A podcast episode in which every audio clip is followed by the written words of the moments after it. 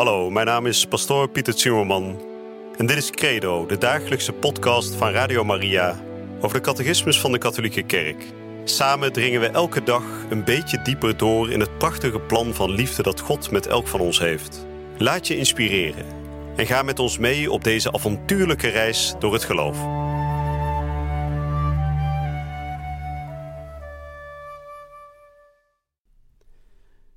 Vrienden, we gaan ons vandaag weer verdiepen in de woorden van de catechismus, die zo kostbare catechismus van onze katholieke kerk. En we doen dat zoals andere dagen um, door te beginnen met gebed. En waarom is dat zo belangrijk dat we elke dag op het moment dat we gaan praten over de catechismus, over alles wat daarin staat, dat we beginnen met gebed? Nou, heel eenvoudig gezegd, het is zo dat we God alleen maar biddend echt volledig kunnen leren kennen. Als we God alleen maar zouden benaderen als een soort um, wetenschappelijke gedachte of een wetenschappelijk object, dan kunnen we hem nooit helemaal kennen. Net zoals je een gitaar nooit helemaal kunt leren kennen door er alleen maar een boek over te schrijven. je moet de klanken van een gitaar horen. Je moet als gitarist de trillingen van de snaren voelen om echt te weten wat een gitaar is. Misschien een beetje een zwakke vergelijking, maar u begrijpt hopelijk wat ik bedoel. We kunnen God alleen maar kennen in relatie. We kunnen God alleen maar ten diepste leren kennen, leren beminnen door met Hem in contact te treden. En dat contact begint natuurlijk eerst bij God zelf. Hij heeft ons het eerste bemind. En op het moment dat wij bidden, dan beantwoorden we die liefdevolle uitnodiging van God om met Hem samen te leven. Dus daarom ook vandaag weer beginnend met gebed zullen we gaan spreken over een paar artikelen uit de catechismus. Vandaag maar een klein stukje, de nummers 228 tot en met 231. En dat is omdat dat de kleine sectie in het kort is. Ik heb dat vaker verteld. Aan het einde van elke uh, paragraaf in de catechismus staat alles even kort samengevat. En dat kleine blokje heet in het kort. U kunt dat zelf ook meelezen thuis, u weet dat. Dus de nummers 228 tot en met 231. En die vatten samen wat we de afgelopen dagen hebben besproken, namelijk het geloof in de ene God, hè, de God van Israël, de Vader van Jezus Christus, die al in het oude verbond zich volop openbaart. En hij openbaart zich als unieke God, als enige God. Dat is een thema dat in heel de oude, het hele Oude Testament volop terugkomt.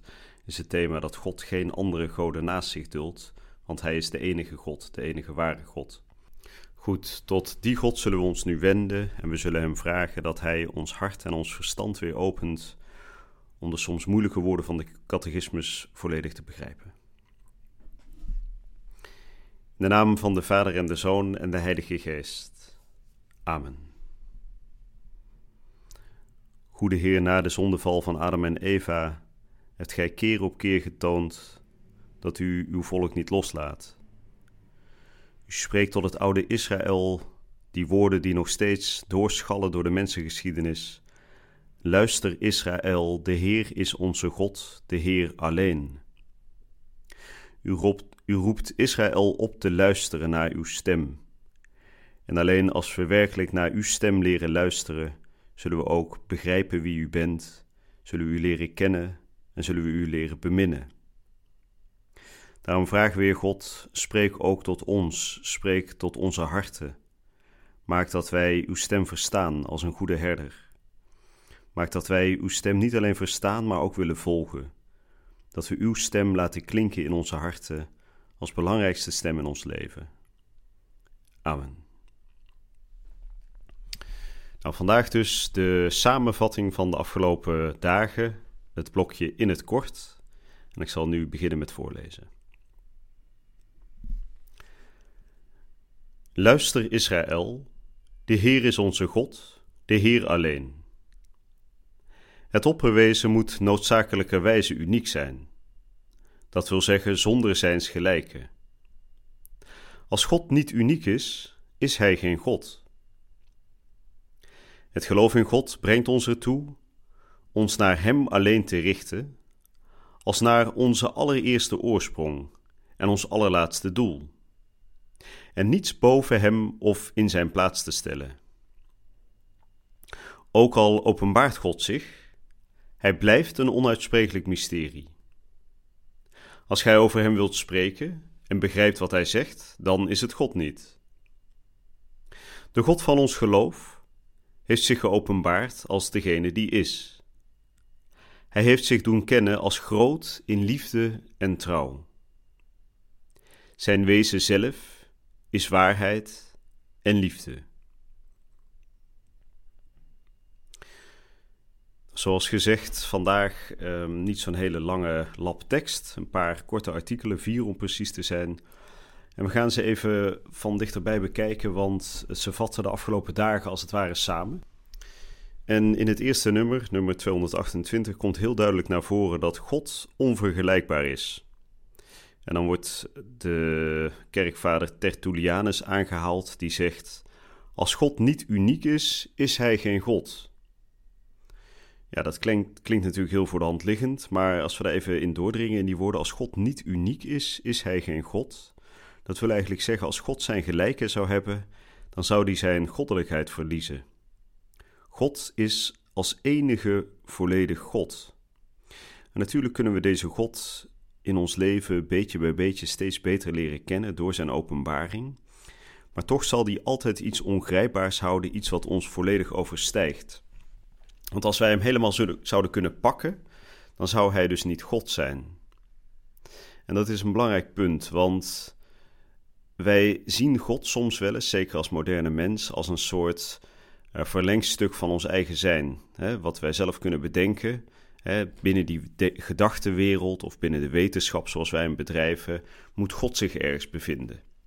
Maar op het moment dat we God als het ware zo proberen in te kaderen, dan leggen we hem aan banden en dan geven we hem niet de volledige vrijheid en de volledige almacht en de volledige oneindigheid die hij in, in feite bezit. En daarom is ook het verschil tussen God en zijn schepping en ons, de schepselen, is natuurlijk dat hij zelf de grond is van het zijn. Hij is zelf het bestaan en daarom openbaart hij zich ook als degene die is. Wat hij zegt tegen Mozes, wanneer hij verschijnt in het brandende braambos, ik ben die is. Of ik ben die ik ben. Het is een beetje moeilijk te vertalen misschien, maar het komt er in ieder geval op neer dat, dat God zelf het zijn is en wij zijn als het ware, als schepselen, als mensen, uitingen van dat zijn, uitingen van zijn scheppingsmacht. Maar hij is de schepper. Dus nogmaals, als God niet uniek is, is hij geen God. En het geloof in deze God is voor ons de oorsprong en het einddoel. Dat zegt het tweede nummer uit de catechismus vandaag. En dat betekent dat we boven hem niks in zijn plaats kunnen stellen. Hij is de grond van ons bestaan en hij is onze eindbestemming. zoals Christus het later zal noemen, de alfa en de omega, het begin en het einde. En ook dat is natuurlijk belangrijk te beseffen, want dat betekent dat we niks hogers en niks groters kunnen aanbidden dan God. En misschien voelt dit voor u een beetje als een soort herhaling. Hè? U hebt dit misschien al eerder gehoord, maar toch is dit zo fundamenteel, zo belangrijk, zo wezenlijk, dat de catechismus dit ook weer blijft herhalen. Misschien steeds met iets andere woorden, om ons echt in te prenten dat God met niemand te vergelijken is. En dat er boven hem ook niks bestaat. Hij is de oorsprong en het einddoel. En meteen daarna zegt de catechismus dan, en dat verklaart dat nog wat meer, dat God, hoewel hij zich openbaart, ook altijd een mysterie blijft. En we hebben daar in onze kerk een mooie term voor. We noemen dat wel het katholieke en. dus niet of, dus niet God is ofwel te kennen, ofwel onkenbaar. Hij is niet of uh, een God die zichzelf toont, of een God die zichzelf verbergt. Nee, hij is het allebei tegelijkertijd. Hij laat zichzelf kennen, hij toont zichzelf. Hij laat aan het oude volk Israël keer op keer weer zien dat hij een liefhebbende vader is, die trouw aan zijn verbond beloont en die zorgt dat ontrouw wordt gestraft. dus hij is een kenbare God, een God die zichzelf toont, die zichzelf openbaart. Maar ondanks het feit dat hij zichzelf openbaart, blijft hij ook altijd onuitsprekelijk. Een mysterie dat we nooit kunnen bevatten. Dus hij is dat allebei tegelijkertijd. En dan wordt er een citaat aangehaald van de heilige Augustinus, de grote Augustinus, die zegt: Als gij over hem wilt spreken en begrijpt wat hij zegt, dan is het God niet. dus nogmaals, dat hele, dat hele nummer, ook al openbaart God zich, hij blijft een onuitsprekelijk mysterie.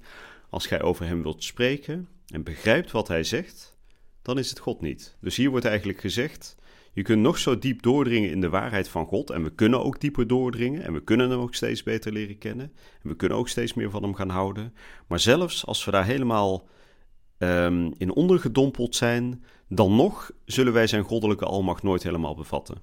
dus als we denken dat we hem hebben, dit is hij, dan is het God niet. Want God laat zich niet pakken. Nou, en dan tot slot, in het laatste uh, nummer vandaag wordt nog gesproken over een God die zichzelf heeft geopenbaard als degene die is, hè, wat ik net ook al zei. En hij heeft zich doen kennen als groot in liefde en trouw. En dan staat er nog achter: Zijn wezen zelf is waarheid en liefde. Wij kennen waarheid en liefde vooral als eigenschappen. Hè, iemand die de waarheid spreekt, iemand die liefdevol is of die zich liefdevol gedraagt, hè, eigenschappen van een menselijke persoon. Maar in God zijn dit niet zozeer eigenschappen, maar het is datgene wat zijn hele wezen, zijn zijn uitmaakt. God doet niet alleen liefde of geeft alleen liefde, nee, hij zelf is de liefde. dus hij is het fundament van alles wat wij als mensen liefde, trouw en waarheid noemen. Nou, we zullen daar bij de volgende uitzending weer op doorgaan. Voor nu wens ik u een hele goede en gezegende dag toe. Je luisterde naar Credo de dagelijkse podcast van Radio Maria over de catechismus van de Katholieke Kerk. Credo is iedere werkdag te beluisteren op Radio Maria.